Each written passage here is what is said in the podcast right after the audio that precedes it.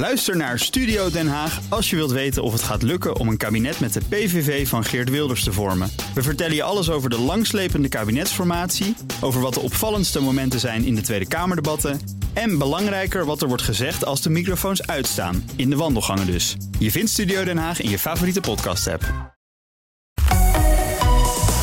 BNR Nieuwsradio. BNR breekt. Kees Dorrestein. Goed dat je erbij bent. Wij breken weer jouw ochtend met opkomende opiniemakers en jouw mening natuurlijk. Je kan bellen. 020 468 4 keer 0 in mijn panel vandaag Emma Mouthaan van de Skere Student. Goedemorgen. Welkom. En Rabi Savi van De Belegger. Goedemorgen. Is er ook nog even de handjes aan het insmeren, eh, zie ik. Ja, belangrijk. Moet ook gebeuren, hè? Ja, precies, inderdaad. Dat is uh, ik heb wel grappig. Je pakt echt zo'n zo knijpfles. Je bent een enorme kwak op je hand. ja, nu het zo zegt, klinkt het heel raar, ja. Ja, dat, dat, klopt. Maar hoor je het een beetje smakken... dan is dat gewoon een beetje dat ontsmettingsmiddel. uh, ook nog wat ontsmettingsmiddel, Emma? Uh, nou ja, weet je waarom niet? Maar volgens mij staat er bij mij geen fles. Dus, uh... Dan horen we bij jou wat minder gesmak. We gaan beginnen. BNR breekt. Breekijzer. Ja, prima als de politie ons gezicht scant met kentekencamera's. Als ze zo boeven pakken. De politie wil foto's van herkenbare bestuurders onder bepaalde omstandigheden kunnen gebruiken voor opsporingsonderzoek. Want zo zouden ze veel sneller criminelen kunnen pakken. Zegt in ieder geval Sjoerd Top, sectorhoofd van de dienstinfrastructuur bij de landelijke eenheid. Hij heeft dat gezegd in een interview met de NRC. Op dit moment is die persoonsherkenning nog verboden. Er zijn camera's die scherpe foto's kunnen maken... maar die worden dan geblurred. En die mag je niet zomaar ontblurren... om in ieder geval criminelen op te sporen. Daarom ons breekijzer. Prima als de politie ons gezicht scant met kentekencamera's... als ze zo boeven pakken. Je kan bellen 020 468 4x0. Eens of oneens, denk je. Eens, ja, ik heb toch niks op mijn kerfstok. Als ze maar veilig omgaan met die foto's, joh, vind ik het beste. Hebben ze wat criminelen te pakken. Bij Peter R. de Vries lukte het. Um, in ieder geval bij de mensen die uh, de aanslag op hem hebben gepleegd. Of denk je oneens, ja, joh, uh, als er één schaap over de dam is, dan volgen er meer. Of als je een vinger geeft, neem een hele hand. Ja, er zijn zoveel spreekwoorden die je hierop kan loslaten. In ieder geval, ik weet niet of dit al te best is voor de privacy. Prima als de politie ons gezicht scant met kentekencamera's... als ze zo boeven pakken. 020 468 4 keer 0. Eens of oneens. Daar ga ik het ook over hebben met Brenno de Winter, privacy-deskundige. Goedemorgen, Brenno. Goedemorgen. Ja, even over die camera's. Dat weet jij waarschijnlijk beter. Wat, wat kunnen die precies? Nou, die camera's die kunnen uh, kentekens vastleggen. En uh, dus ze, ze, scannen auto's en dan halen ze daar de kentekenplaat uit. En die interpreteren ze zodat dat kenteken in een computersysteem wordt opgeslagen en wordt bewaard.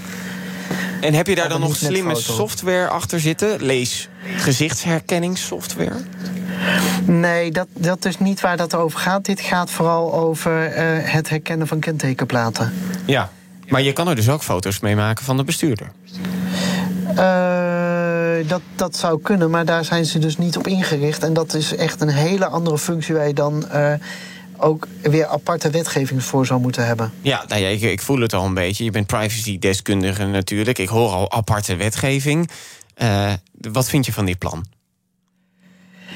Nou ja, weet je, het, het, uh, het kan helpen op het moment dat iets al geregistreerd staat. Hè, een kenteken al geregistreerd staat als iemand die wordt gezocht. Dan kun je daar dus, uh, dan kun je daar dus heel erg goed wel gebruik van maken. En daar hoeven mensen die zeg maar, niet worden gezocht geen last van te hebben. Dus ik, ik ben niet a priori tegen.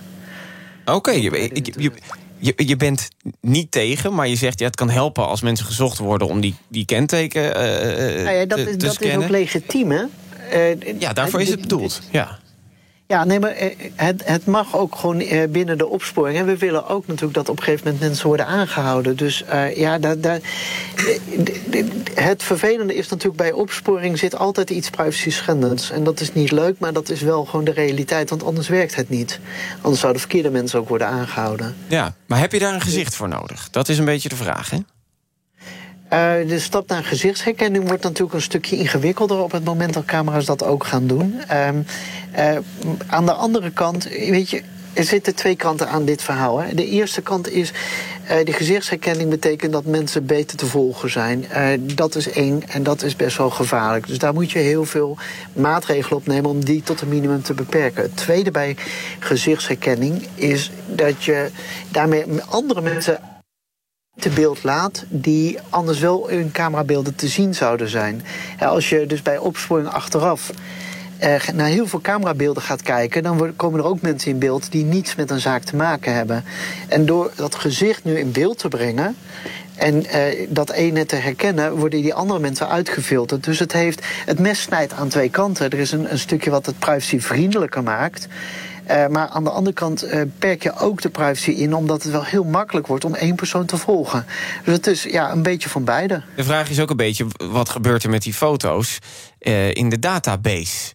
Want ze gaan nu niet meer alleen op kenteken. Dus, dus, ze kunnen ook gewoon eigenlijk de bestuurders gaan fotograferen. En dan denk ik, ja, wil ik mijn foto in zo'n database hebben? Ik heb niks gedaan. Ja, het vervelende is natuurlijk dat bij, uh, op het moment dat uh, daar wetgeving voor is en het mag, uh, dan hebben we daar niet zo heel veel meer in te willen.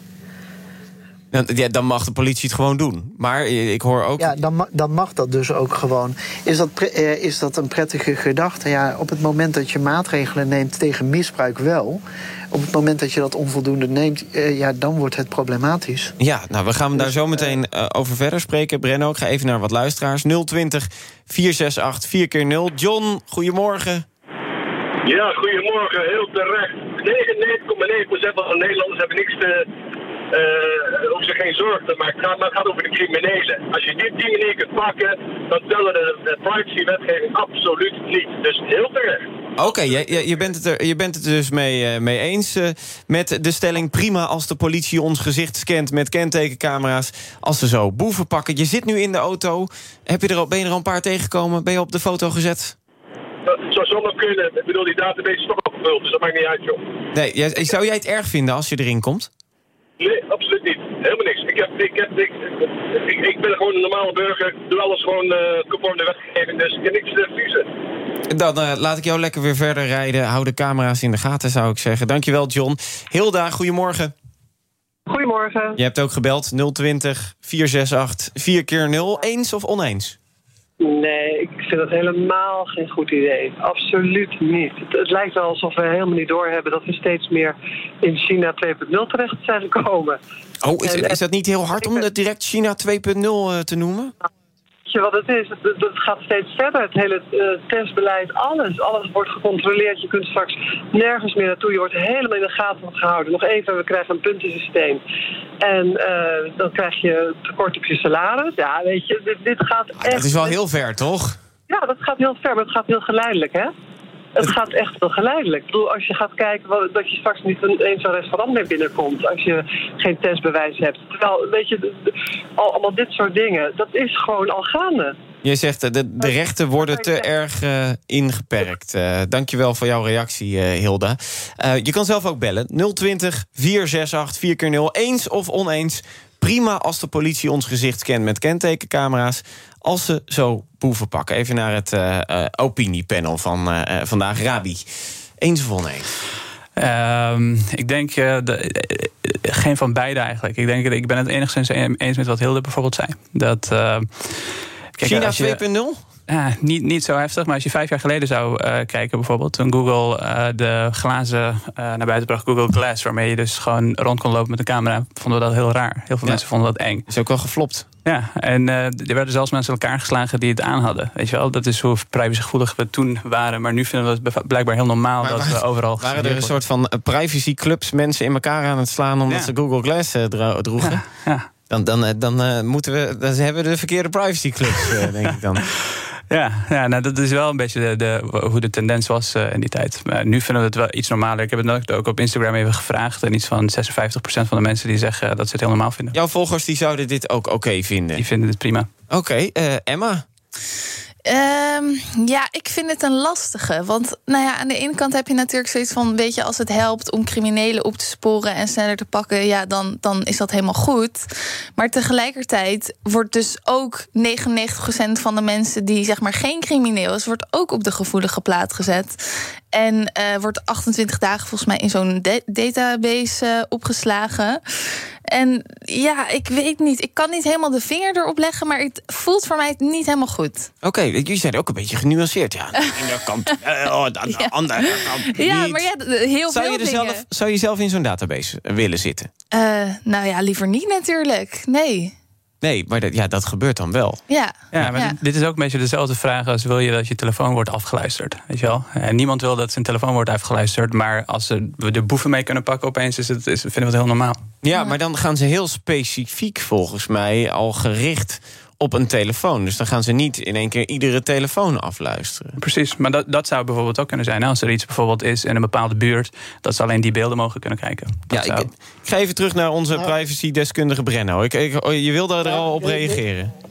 Ja, nou kijk, wat het, wat het probleem natuurlijk wel is met zo'n database... is, um, uh, we gaan er altijd vanuit dat technologie perfect werkt. En dat is natuurlijk niet het geval. Dus uh, hier kun je ook fouten mee maken. En dat bedoel ik, bedoelde ik net ook met maatregelen nemen. Je moet gewoon zetten om uh, dan de vormen van misbruik tot een minimum te beperken... maar ook te zorgen dat het wel effectief is. En als het niet effectief is, dan moet je het niet doen. En dat moet nog gaan blijken of, uh, of dat effect er daadwerkelijk is. Ja. Je kunt daar dus ook mensen ten onrechte voor aan, uh, mee aanhouden. Hè? En mensen kunnen daar ook. Dus ja, iemand die zegt: Ik heb niks te verbergen, want ik ben een eerlijk burger. Dat is de discussie niet. Uh, want. John kan door de computer verkeerd worden herkend. En uh, dan heeft hij gewoon een probleem, ook al is hij een eerlijk burger.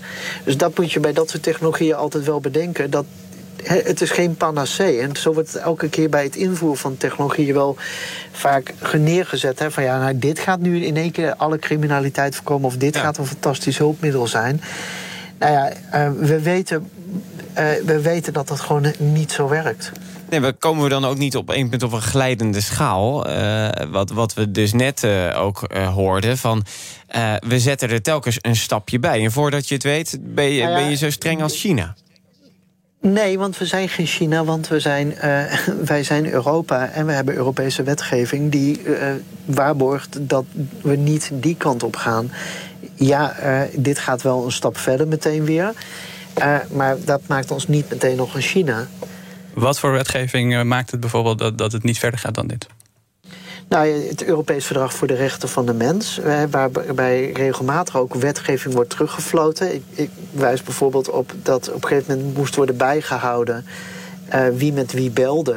Uh, en dat ook langdurig moest worden bewaard. Daar heeft het Europees Hof, Hof toch van gezegd dat dat niet mag. Uh, en we hebben de zaak van Max Schrems tegen Facebook, waar op een gegeven moment ook werd gezegd van ja, Facebook moet toch de, de privacy veel beter gaan beschermen. En je overtreedt gewoon de Europese regels. We hebben de Raad van Europa die actief is naar bijvoorbeeld de onthullingen rond Snowden. Dus je ziet dat er wel degelijk in Europa wordt gecorrigeerd. En daarnaast hebben we natuurlijk ook gewoon de AVG, de pan-Europese uh, privacywetgeving. Ja, dat, je goed moet die, omgaan die met uh, ook gegevens. eisen stelt voordat je dit soort technologie mag inzetten.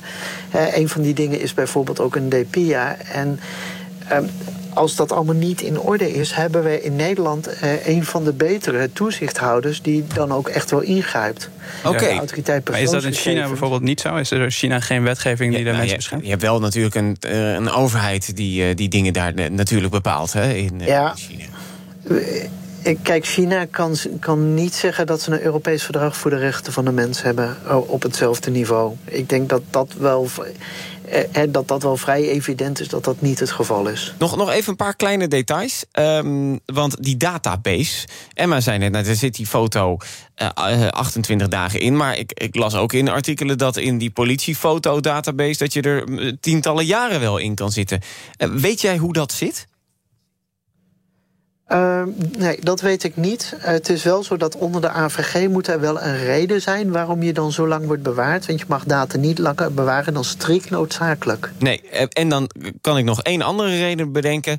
Uh, kijk, ze kunnen ook op een andere manier jou opsporen. Dat kost dan misschien wat meer werk, maar dan hebben ze niet je foto nodig. waarom dan per se die, die foto. Snap jij dan Nou, toch dat ze zeggen van Ik denk dit, dat dan je doen we het wel zo? de foto nodig hebt. Je wilt toch weten, als je iemand gaat aanhouden, hoe die eruit ziet? Ja, dat klopt, maar daar kan je ook op andere manieren achter komen. Moet je daar per se direct een, eh, van veel mensen een foto voor nemen? Of moet je daar meer gericht gaan zoeken en desnoods op iemands Facebook-account of Instagram het vinden? Nee, dat is betrouwbaar. Nee, ja, dat, ja, dat, dat, dat, dat klopt inderdaad. Daar, daar kan je, maar ik bedoel, ik ben geen recherche. Maar ik hoop dat zij toch wel hun informatie goed op orde eh, hebben. Maar je zegt in ieder geval, dit is, dit is dan wel eh, de betere, de betere en makkelijkere manier. Want dan heb je direct. Nou, kijk, het zijn twee dingen. Eén is dat je, eh, als je iemand zoekt, zul je daar dus eh, identificerende gegevens voor moeten hebben. Het tweede is natuurlijk dat je dat gaat matchen aan iets wat langskomt op een camera. En eh, dat is een technologie die kan werken, maar wel heel veel risico's heeft. Dus daar moet je echt wel heel goed naar gaan kijken of het echt zo effectief is als eh, door de verkopers wordt geroepen. Exact. Daar kritisch naar kijken. Brenno de Winter, privacy-deskundige. Dankjewel uh, dat ik je even kon spreken. We gaan zo ook even ehm, met een, uh, een rechtexpert praten, om het maar zo te zeggen. Um, Richard van der Weijden, um, die, die weet heel veel over hoe dit nou juridisch in elkaar zit. BNR breekt. Kees Dorrestein. Ja, we breken jouw ochtend met opkomende opiniemakers... Emma Mouthaan van de Skere Student en Rabi Safi van de Belegger. En met jou, je kan bellen 020 468 4x0. Prima als de politie ons gezicht scant met kentekencamera's... als uh, ze zo boeven pakken. Ik wil eventjes wat uh, reacties van je horen. Rick, goedemorgen. Goedemorgen. Zo, is, iedereen zit in een straaljager. Uh, heb, je, heb je geen goede carkit? nou ja, dat uh, schijnbaar niet, maar dat, dat ligt dan aan, aan Ford. Dat is niet erg, maar eens of oneens? Nou, nou ja, ik heb er op zich helemaal geen moeite mee, maar ik wil eventjes wat rechtzetten. Nou. Er wordt steeds gesproken over dat gezichten gescand gaan worden, maar dat is helemaal niet wat de politie vraagt. Wat er, wat er gebeurt is dat, er een, dat het kenteken wordt gescand en nou, daar wordt dan een foto van gemaakt. En de gezichten op die foto's die zijn geblurred. Ja, dus die mogen ze niet zien. zien. Wil, nee, dus het enige wat de politie wil is dat die blur eraf gaat. Dus het is niet zo dat we opeens in, in China belanden dat alle gezichten die langs die camera's komen, dat die gescand worden. Uh, dus dus het, enige wat, wat, wat de politie daarmee wil bereiken is dat ze wat meer bewijsmateriaal hebben. Als ik dan gewoon kijk naar een recent voorbeeld de moord op Peter R. de Vries, dan heeft die, die automatische kentekenplaatherkenning heel goed gewerkt. Dat ze gewoon hebben kunnen zien wat de route was van die auto. En dat ze daar dus nou ja, verdachten hebben kunnen aanhouden.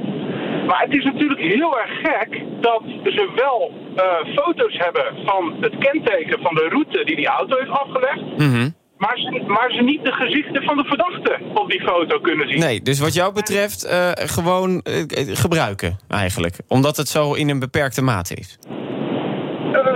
Ja, kijk, is het gezichtsherkenning, echt het scannen van gezichten, dat vind ik inderdaad ook erg ver gaan. Maar daar is nu helemaal geen sprake van. Dus oh. wat mij betreft gewoon doen. Oké, okay, ik ga dat direct eventjes aan een juridisch expert voorleggen. Rick, dankjewel voor jouw reactie. Je kan nog steeds bellen 020 468 4 keer 0 uh, Ja, Richard van der Weijden, juridisch expert. Uh, je hebt dit net gehoord. Um, is het zo echt dat het, dat het maar zo beperkt is? Nou, het is zo Wat de politieregels dit betreft? soort gevallen. Ben ik goed verstaanbaar? Ja, zeker. Uh, de politie moet toestemming vragen aan het Openbaar Ministerie om naar aanleiding van die kentekenscan, die dus via die ANPR-registratie plaatsvindt, om die gezichten te kunnen zien. Uh, dus daar zit al een toetsingsmoment in. Ja, in dit soort gevallen is altijd het dilemma hoe ver ga je in de opsporing van uh, strafbare feiten en de opsporing van verdachten. Uh, en ja, zeker bij ernstige misdrijven, dat is ook het, uh, het pleidooi van de politieman vandaag in de krant. kan het helpend zijn? Hè? Het voorbeeld werd al genoemd van de, de moord op Peter R. ja, dat zijn natuurlijk hele ernstige feiten. En dan moet je altijd afvragen in de afweging tussen enerzijds privacybelangen en anderzijds opsporingsbelangen. Wat geeft dan de doorslag? Ja, en wat zou er dan wettelijk vrees, moeten nou ja, vastgelegd moeten worden? Nou ja, dat je dat dus alleen uh, doet bij zeer ernstige feiten, waarbij uh, niet op andere of, of, slechts op zeer omslachtige wijze de waarheid aan de dag kan worden gebracht. Hè. Verdachten kunnen worden geïdentificeerd. Eh, dus dat moet je vastleggen.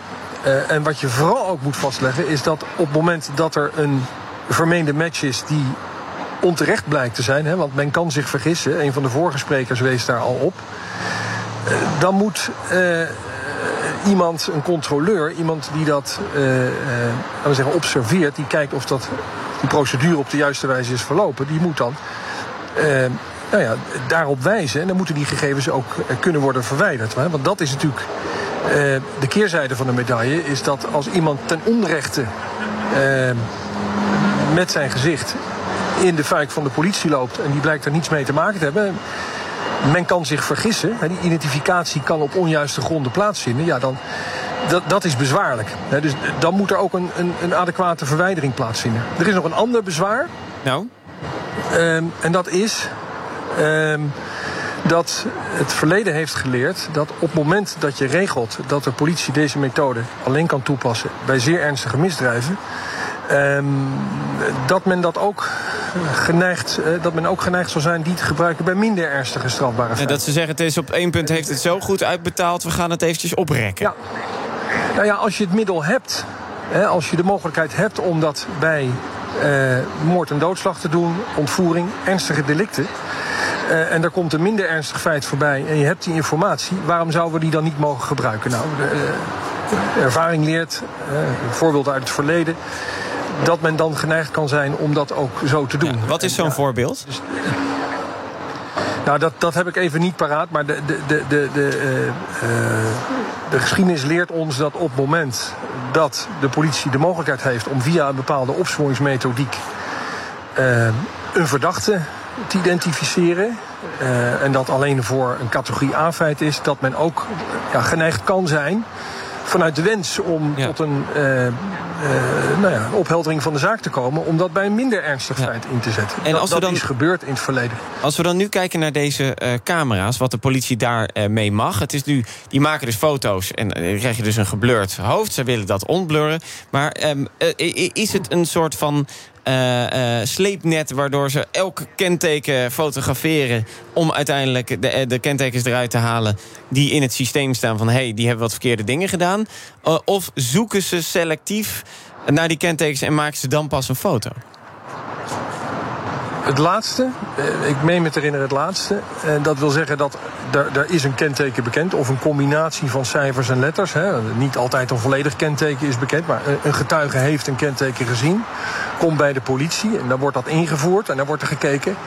eh, komt dit kenteken voor eh, op een bepaalde route? Hè? Eh, gaat dat langs die ANPR-camera's? Of is het een cijfer- en lettercombinatie die in meerdere of mindere mate gelijkend is op die, eh, eh, die combinatie? Dus, dus zo, zo werkt dat in de praktijk. Oké, dus het is, het is al dan niet een match uit. Ze kunnen niet zeggen, het is geen sleepnet, het is wel eh, specifiek. Dus op het moment dat ze die foto's hebben, zou het ook specifiek zijn. Dus als een soort extra bewijsmiddel, waar ik het ook met Brenno net over had.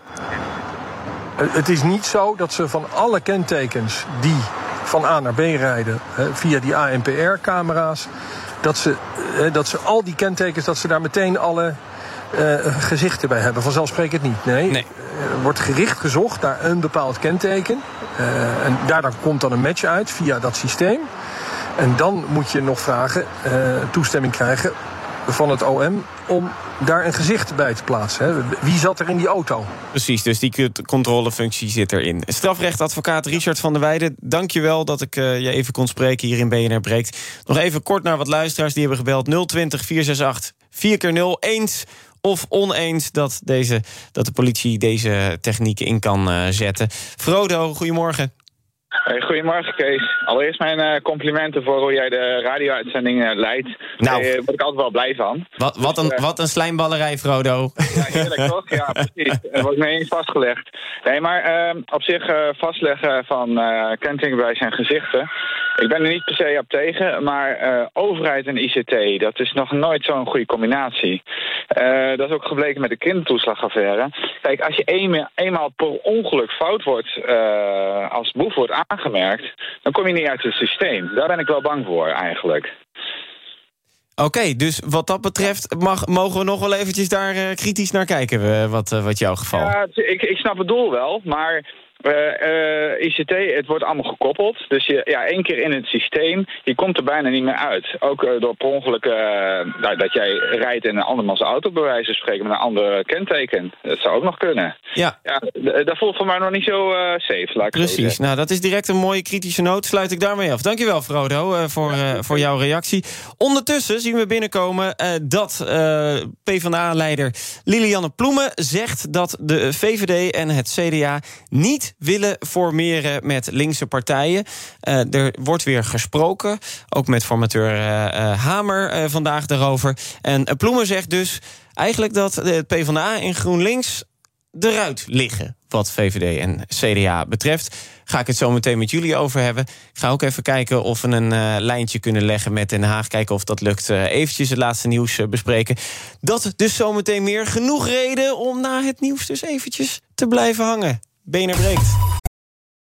Ook Harm Edens vind je in de BNR-app. Je kunt BNR Duurzaam niet alleen live luisteren in de app, maar ook terugluisteren als podcast, zoals al onze podcasts. En naast dat de BNR-app Breaking News meldt, houden we je ook op de hoogte van het laatste zakelijke nieuws. Download nu de gratis BNR-app en blijf scherp. BNR Nieuwsradio. BNR breekt. Kees Dorrestein. Goed dat je erbij bent. Wij breken jouw ochtend eh, met eh, mijn eh, opiniepanel. Opkomende opiniemakers. Emma Mouthaan van de Skere Student. Goedemorgen. En Rabi Safi van De Belegger. En wij, wij breken je ochtend ook met breaking nieuws. Want Lilianne Ploemen van de PvdA zegt dat VVD en CDA niet willen formeren met linkse partijen. Ze is net op gesprek geweest bij eh, informateur Mariette Hamer... en heeft dit na afloop gezegd. Dus het lijkt erop dat de deur dicht is. Wij proberen natuurlijk even een lijntje te leggen met Den Haag. Maar ja, die zijn natuurlijk nu ook eh, allemaal in paniek. Oh, wat is er aan de hand rondrennen en dat soort dingen. Dus als we meer weten, dan hoor je dat uiteraard eh, hier. Eh, maar ook leuk om direct even met jullie eh, te bespreken. Emma, je deed echt een enorme zucht net tijdens Ja. het nieuws toen je dit hoorde. Ja, weet je, ik. ik eh, Laten we gewoon even een, een, een kabinet eh, vormen. Ik bedoel, er is genoeg te doen. Eh, Er worden nu de hele Daar zijn tijd. ze nu toch mee bezig? Alleen dan een kabinet zonder maar goed, nou wordt er weer gezegd dat, dat, dat er partijen worden uitgesloten en zo. Weet je, het is nu al maanden dat ze bezig zijn met het vormen van een kabinet. En ondertussen gebeurt er gewoon weinig. Terwijl er wel gewoon heel veel te doen is, te bepalen is, whatever. En eh, ja, weet je, ik ben er een beetje klaar mee. Je bent, er, je bent er een beetje klaar mee? Ja, ja, ja. Eh, als je dit dan nu hoort, eh, zeg je dan... oké, ga dan maar een kabinet eh, VVD, CDA, eh, D66 of VVD, D66. Hoe moet het er wat jou betreft dan uitzien? Nou, ik heb zelf op GroenLinks eh, gestemd. Dus ik had zelf wel graag een wat linkser kabinet eh, gezien. Dan moet je dit toch verschrikkelijk vinden... want het is nu de PvdA Ja. GroenLinks fractievisie. Eh, ik kan me er niet heel druk om maken. Want ja, weet je, ik heb gestemd en verder heb ik er vrij weinig invloed op natuurlijk. Maar ik hoop vooral gewoon dat er even een kabinet gevormd wordt. Zodat er ook gewoon echt beslissingen kunnen worden gemaakt. Want het is nu heel vaak dat er wordt gezegd van ja, we zijn demissionair, we kunnen niks doen nu. Ze kunnen wel telkens ministers en staatssecretarissen aanstellen. Dat ook, ja, ja, ja. Maar het- het- het- het- oké, het, zit het, het linkse gedeelte zit er niet in. Hoe moet het er dan wat jou betreft uitzien? Een meerderheid met de ChristenUnie of toch minderheid? Ja, ik denk minderheid dan, ja. Misschien makkelijk. Ja, als dat ervoor zorgt dat er dan wel gewoon binnen een week dan nu een minderheidskabinet is met D66, ja, dat moet dan maar, weet je, over vier jaar nog een kans. Rabi, ik hoorde jou niet zuchten. Nee, nee, ik volg het wel een beetje. Dus eh, ik vind het wel interessant dat dit eh, nu voorvalt. Krijg je ik, dan eh, een beetje kippenvel dat je dan hoort... oh, er is toch, toch nu weer wat spannends uit Den Haag gekomen? Nee, dat niet. Nee, maar ik, vind, ik vind het op zich wel interessant. Want hoe ik het zelf tot nu toe zag... is de enige manier waarop je kon formeren als eh, Rutte zijnde... was met links. Want eh, het eh, alternatief was met extreem rechts samenwerken. En dat Ja, maar, maar in beide gevallen is het... ja, volgens mij ga- gaat dat niet met D66. Eh, die hebben gewoon veel te veel issues zoals abortie en dat soort zaken. Dat, dat gaat gewoon niet. Nee.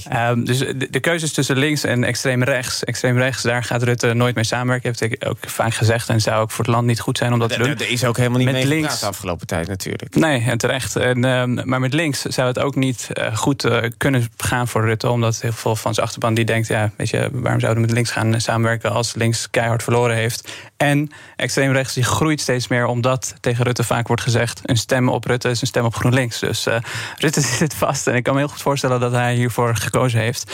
Ik vind het wel raar, jammer eigenlijk. Want als je kijkt naar de afgelopen... Uh, ik heb even Liliane Ploemen uh, op Google gezet. Als je kijkt naar de afgelopen headlines... dan zie je Ploemen zegt... niet meedoen is rechtse gang laten gaan. Ploemen die zegt...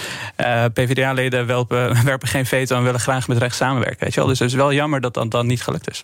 Nee, maar, maar dan nu? Ja, minderheidskabinet, denk ik. Of met extreem rechts samenwerken. En ik denk dat Rutte waarschijnlijk voor die minderheidskabinet kiest. Ja, nu is het ook zo. Uh, jammer dat het niet gelukt is. Ja, eigenlijk hebben VVD en CDA dat het toch al de hele tijd gezegd dat ze het niet willen. Dus is het eigenlijk nieuw? Dat is ook een mooie discussie. Ja, nieuw? Uh, nee, want Rutte is heel duidelijk geweest. Uh, maar wel jammer. Want uh, ik, ik, zelf ben niet per se rechts of links. Het zou mij geen bars wezen wie, wie er aan de, aan de leider komt, zolang, zolang het niet extreem is aan beide kanten. Oké. Okay. ik heb zelf de belang gehad bij. Eh, ik kom zelf uit Afghanistan, 2002 naar Nederland gekomen. Dus heel veel geprofiteerd van de linkse open grenzen en uh, samen zijn en dat soort dingen. Tegelijkertijd ook van de rechtse uh, marktwerking en dat soort dingen geprofiteerd. Dus mij maakt het niet uit wie er aan de macht komt. Maar het is wel jammer om te zien dat dat niet met elkaar samen kan gaan. Nee, en dan is het dan. VVD, CDA, D66 of VVD, D66? Want ja, als je een minderheidskabinet hebt. ja. Ik, ik, ik, denk dat dat zou kunnen werken. Want je, ik denk dat ze op heel veel vlakken met links kunnen samenwerken... en heel veel vlakken met uh, rechts. Dus het, het, zou kunnen werken. Nu is het ook zo, ik vind dat misschien ook een beetje gek. Er werd dat, dat bericht van dat GroenLinks en D66 samen moesten... Uh, als één fractie eigenlijk moesten onderhandelen... Dat, dat zou vanuit, dat werd gemeld dat dat vanuit VVD en CDA-kamp kwam. Van ga dan in ieder geval samenspreken, want anders hebben ze vijf partijen. En dan nu zijn ze dan samen. Daar hebben ze een heel weekend moeilijk over gedaan. En uh, met, met de lastige stemmingen bedoel ik vooral. Um, en dan zijn ze nu samen een soort van gebundelde fractie. En, uh, en dan is het alsnog gewoon vlak, vlak na het weekend. Nee, laat maar zitten. Was het dan ook een, een soort van. Hebben jullie het gevoel, was dat een bluffpoker dan uh, vanuit VVD, CDA? Die, die dachten, nou, dit gaan ze toch niet doen. Dus dan, uh, maar toen deden ze het in één keer, dus dan moeten we ze alsnog afwijzen. Ja, ja ik denk dat het ook heel slim is geweest hè, van uh, de PvdA en GroenLinks om te laten zien dat Rutte aan het bluffen was. Gewoon even, we doen het gewoon. Ja, want links wilde heel graag. Nou, mocht hier meer een update over komen, dan hoor je het natuurlijk tijdens uh, hier uh, bij BNR Breekt. Nog even een ander dingetje dan uh, vanmorgen. in één keer hoorden we dat onze minister van Verkeer en Waterstaat, Cora van Nieuwenhuizen, bij lobbysector Energie NL de voorzitter wordt. We spraken daar ook voormalig Kamervoorzitter Frans Wijsglas over was er niet echt over te spreken. Wat ik twitterde, ik vind het een, een volslagen gebrek aan verantwoordelijkheidsgevoel om het, het, het demissionaire schip, uh, het, het demissionaire kabinet, als een van de kapiteins, want dat zijn ministers toch, ja, nu ook weer voortijdig te verlaten. Wat vinden jullie uh, daarvan, Rabi? Um... Weer, hè? Dit is, als je het hele lijstje van ministers en staatssecretarissen met verschillende redenen uh, de bijpak die zijn weggegaan. Dat zijn er een paar, zeg. Ja, maar ik, ik, vraag me af wat Cora van Nieuwhuizen heeft in elkaar, voor elkaar heeft gekregen de afgelopen jaren. Ik heb haar heel weinig eigenlijk uh, voor elkaar zien krijgen. Dus ik, ik vind het niet. Uh, ik vind het geen gemis, laat ik het zo zeggen. Geen gemis? Nee. Ik ben eigenlijk blij dat het weg is. Maar het is wel weer iemand die weggaat. En een, een andere die daar dan weer op de plek terug van moet komen. Is het niet een beetje ernstig dat, dat, dat, het, dat er zoveel wisselingen zijn al tijdens een demissionaire kabinet? Uh, ik denk juist tijdens een demissionair kabinet is het heel normaal als er veel wisselingen zijn. Als er veel onzekerheid is over leiderschap en wat allemaal moet gebeuren. Kiezen mensen eigen voor moment wanneer mensen naar andere dingen kijken. Ja, en maar ze zit nu wel uh, bij een club uh, waarmee ze eigenlijk invloed kan uitoefenen op waar ze eerst zat, op haar, haar, haar eerste functie en het, ja. het, het, ministerie. Daar kan je van afvragen: is het niet belangenverstrengeling wat ze nu ja. doet? Ja, dat, dat is heel Haags, hè? Van, van baantje naar baantje. Volgens mij is uh, degene die ze vervangt, is ook van D66. Uh, nou, je, je, had Stientje van Veldhoven, ja. uh, staatssecretaris voor infrastructuur. Ja. Die ging ook uiteindelijk naar een, een, een soort van lobbyclub waar, waar ze dus eigenlijk een beetje waar ook het een beetje de vraag was: is dit eigenlijk niet belangenverstrengeling? Want ze, ze, kan haar contacten bij het ministerie gebruiken om in één keer de zin te krijgen. Ja. Wat, wat vind jij? Moet dat kunnen of, uh, of, of, of ben ik te naïef dat ik hoop dat een, een minister en een staatssecretaris een soort van nobele functie hebben, die altijd zullen bezig zijn met het politieke of publieke belang? Ja, nee, het kan natuurlijk altijd. Hè. Het is ook wel eens eerder voorgekomen binnen de VVD. Ik ben even zijn uh, naam kwijt. Uh, volgens mij had hij een keer gelogen en uh, is hij daarna afgetreden. Weet Albert Zijlstra? Ja, nou, hij, hij, heeft precies hetzelfde gedaan wat, Waar zit hij nu? wat de klimaatwet be betreft een tijd terug. Dus het, het zou kunnen. Het, het, zou kunnen. Emma, hoe kijk je hier naar, naar die... allereerst naar Cora die er nu vandoor gaat... en, en weer iemand anders op, op de plek? Ja, ik, ik vind het jammer. Maar ik, ja, het is demissionair kabinet, dus dan snap ik het wel meer dat iemand zegt van, nou ja, weet je, ik, ik weet niet hoe het er zo meteen uit gaat zien als er uh, een nieuw kabinet gevormd wordt. En uh, weet je, ik, ik, uh, ik stap gewoon op. Um, maar ik, ik vind het wel een zorgelijke ontwikkeling dat het zo normaal is eigenlijk om, nou ja, nadat je zeg maar een publieke functie hebt gehad in de overheid, om dan meteen maar naar een lobbygroep ja, te gaan en daar te gaan werken. Ik, uh... Zouden wat, zou we wat, wat, wat, strengere regels op na moeten Ja, ja ik, denk, uh, ik denk dat dat misschien wel een goed idee zou zijn. Ja. Zijn er geen regels voor dan? Ik uh, ga even wisselen naar um, Hugo Rijtsma, onze verslaggever. Die zit in Den Haag. Hugo, goeiedag. Dag Kees. Uh, ik zou voorstellen om meteen even te wisselen naar Wopke Hoekstra. Want die is net naar buiten gekomen. Je kan hem misschien van afstand eventjes zo meeluisteren. Ja, zal ik doen. Zes partijen, maar overigens ook nog wel met andere partijen in de, in de Kamer. Uh, en we zullen blijven, de bereidheid blijft bestaan om naar verschillende varianten te kijken. Uh, en tegelijkertijd, als je kijkt naar de inhoud en naar het aantal partijen wat nodig is uh, voor een meerderheid. Ah, dit is jammer. Dit is jammer. We gaan even snel weer verbinding maken. Uh, dan hoop ik zo snel mogelijk ook weer terug te komen bij Hugo... en horen wat Wopke Hoekstra van het CDA heeft gezegd. ik ga dan eerst eventjes polsen bij een andere collega. Even kijken wat hij zo meteen heeft om 12 uur. BNR breekt. Want uh, Thomas van Zel die zit er dan uh, BNR Zaken doen. En nee, Thomas is er ook nog niet. Ja, jawel, jawel, jawel. jawel, Ah, ja, Thomas Zij, is er. Kijk eens, ik hoorde nog net mijn eigen naam. En ja, gelukkig. Ja, het is, uh, het is een lekkere chaos, maar dat heb je als er nieuws binnenkomt natuurlijk. even polsen, wat heb jij straks in BNR Zaken doen? Han Venema is de gast. Hij is de topman van GasUnie. En GasUnie is natuurlijk ooit begonnen omdat er een Gronings gasveld werd ontdekt. Maar inmiddels weten we dat de toekomst er anders uitziet. En dan is de vraag, zijn die leidingen bijvoorbeeld ook geschikt voor wat de toekomst vraagt. Bijvoorbeeld waterstof. En als het daarvoor geschikt is, hoeveel investeringen zijn er dan voor nodig? Het gaat om een miljardenbusiness. En dan is de volgende vraag: krijgen we dat ooit ook als business case, als businessmodel rondgerekend? Nou, het zijn allemaal vragen die ik ga stellen aan Han Venema van GasUnie. We beginnen zo meteen de uitzending met Onno van de Stolpen. Dat is de topman van Galapagos, het uh, biotechbedrijf. Heeft er 22 ja, jaar gezeten. Gaat weg gaat weg omdat het eh, de afgelopen jaren tegenzit. Misschien is dan ook wel zijn tijd gekomen. Hij was er altijd in goede tijden, slechte tijden... en nu ook aan het einde van zijn tijd. Uh, vragen naar zijn overwegingen. Het beleggerspanel is er en ik praat zo meteen met de serieondernemer Jordi Kool. Onder andere bekend van Infotheek, was een relatief klein bedrijf. Wist hij op te schudden naar een waarde van zo ongeveer 1 miljard. Hij heeft zijn levenslessen en ondernemerslessen opgeschreven in het boek Groeien als Cool. Nou, dat is mooi gevonden. Dat allemaal vanaf 12 uur in BNR Zaken doen. BNR breekt.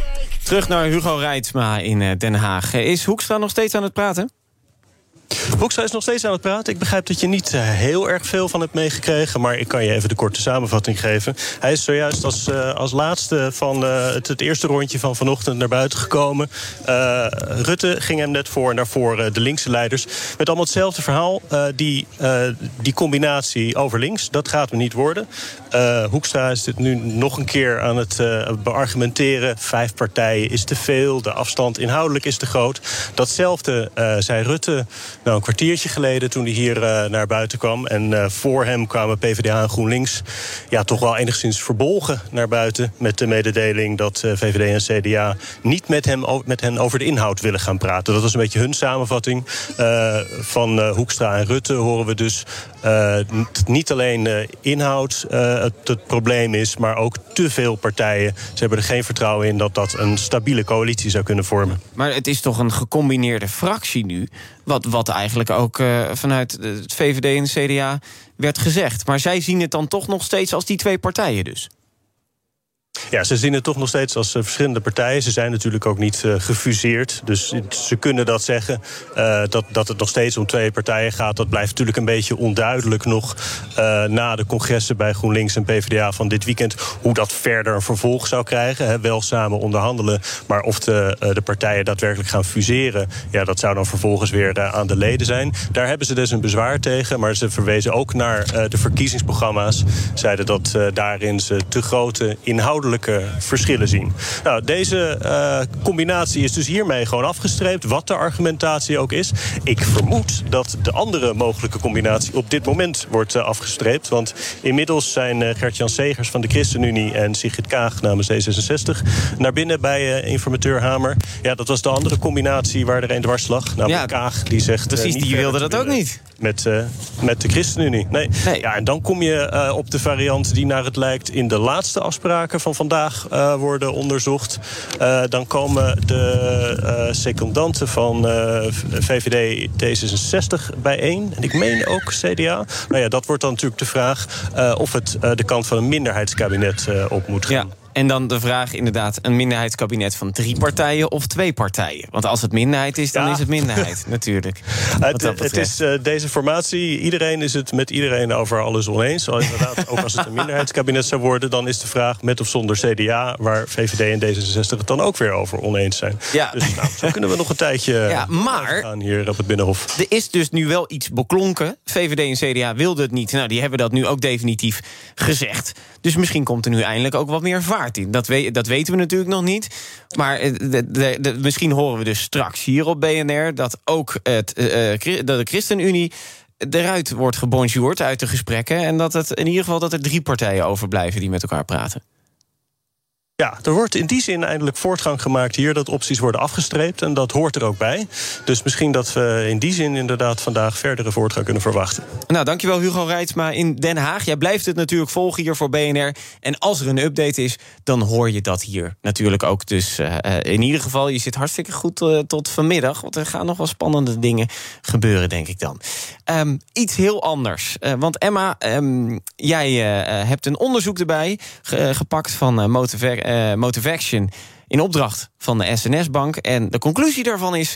jongeren tot 35 jaar... die eh, weten eigenlijk helemaal niet zo goed hoe ze met geld om moeten gaan.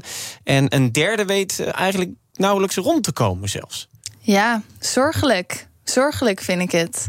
Maar het verbaast me niet eigenlijk. Nee, waarom verbaast het jou niet? Ja, je, je, je hebt de skere student, dus jij spreekt die jongeren natuurlijk. Precies, ja, ja. Nee, ja, inderdaad, ik spreek ze, maar ook gewoon uit persoonlijke ervaring. eh, wordt er gewoon weinig over geld gepraat, zeg maar, in persoonlijke situaties of in privé situaties. En eh, ja, weet je, als je er niet over praat, kan je er niet echt iets over leren. Dat is dus het probleem. En- er wordt niet over gepraat. Ja, ja, ik denk dat dat een groot deel eh, is van het probleem. Ja, ja, ja. En hoe kunnen we dat dan oplossen? Ja, wel daarover praten natuurlijk. Dat, dat is het. Zo Uit- simpel is het. Ja, uit de taboesfeer halen, weet je. Gooi het eh, erbij op eh, algemene vorming of zo bij middelbare scholieren. Of, of besteed er meer aandacht aan persoonlijke financiën bij economie of zo. Weet je, het, het, ehm, het- het- de, de, de plicht van ouders is nu heel erg van... jij bent verantwoordelijk om je kind ja, te leren over persoonlijke financiën... te leren over geld. Alleen er zijn gewoon heel veel ouders die dat niet doen of niet kunnen. En daar worden die kinderen vervolgens de dupe van. Ja, En maar dan zeg je ja, tegen je ouders... eh, ja, ik kan eigenlijk niet zo goed omgaan met geld. En dan, eh, ja, dan praat je erover. Maar die ouders die kun je geen goed advies geven dan erover. Nee, Waar nee. moet het dan vandaan komen? Eh, ja, ik denk school. Ik denk dat, dat die daar meer verantwoordelijkheid in moeten nemen. Ja. School. En, Ja. dus, eh, en dan, eh, vanuit de overheid of eh, zijn het ook meer eh, bedrijven? Ehm, nee, vanuit de overheid. Ja, weet je, ik denk niet dat je kan verwachten van bedrijven dat zij die taak op zich nemen. Nee, oké. Vanuit de overheid en school. Je luistert naar BNR Breekt hier eh, op BNR met Emma Mouthaan van de Skere Student, opkomend opiniemaker en Rabi Savi van de Belegger. Om dan naar jou te gaan hierover. Uh, uit datzelfde onderzoek bleek dat uh, het ook kwam omdat jongeren steeds meer zijn gaan beleggen. Nou, wat, wat vind jij daar als de belegger van?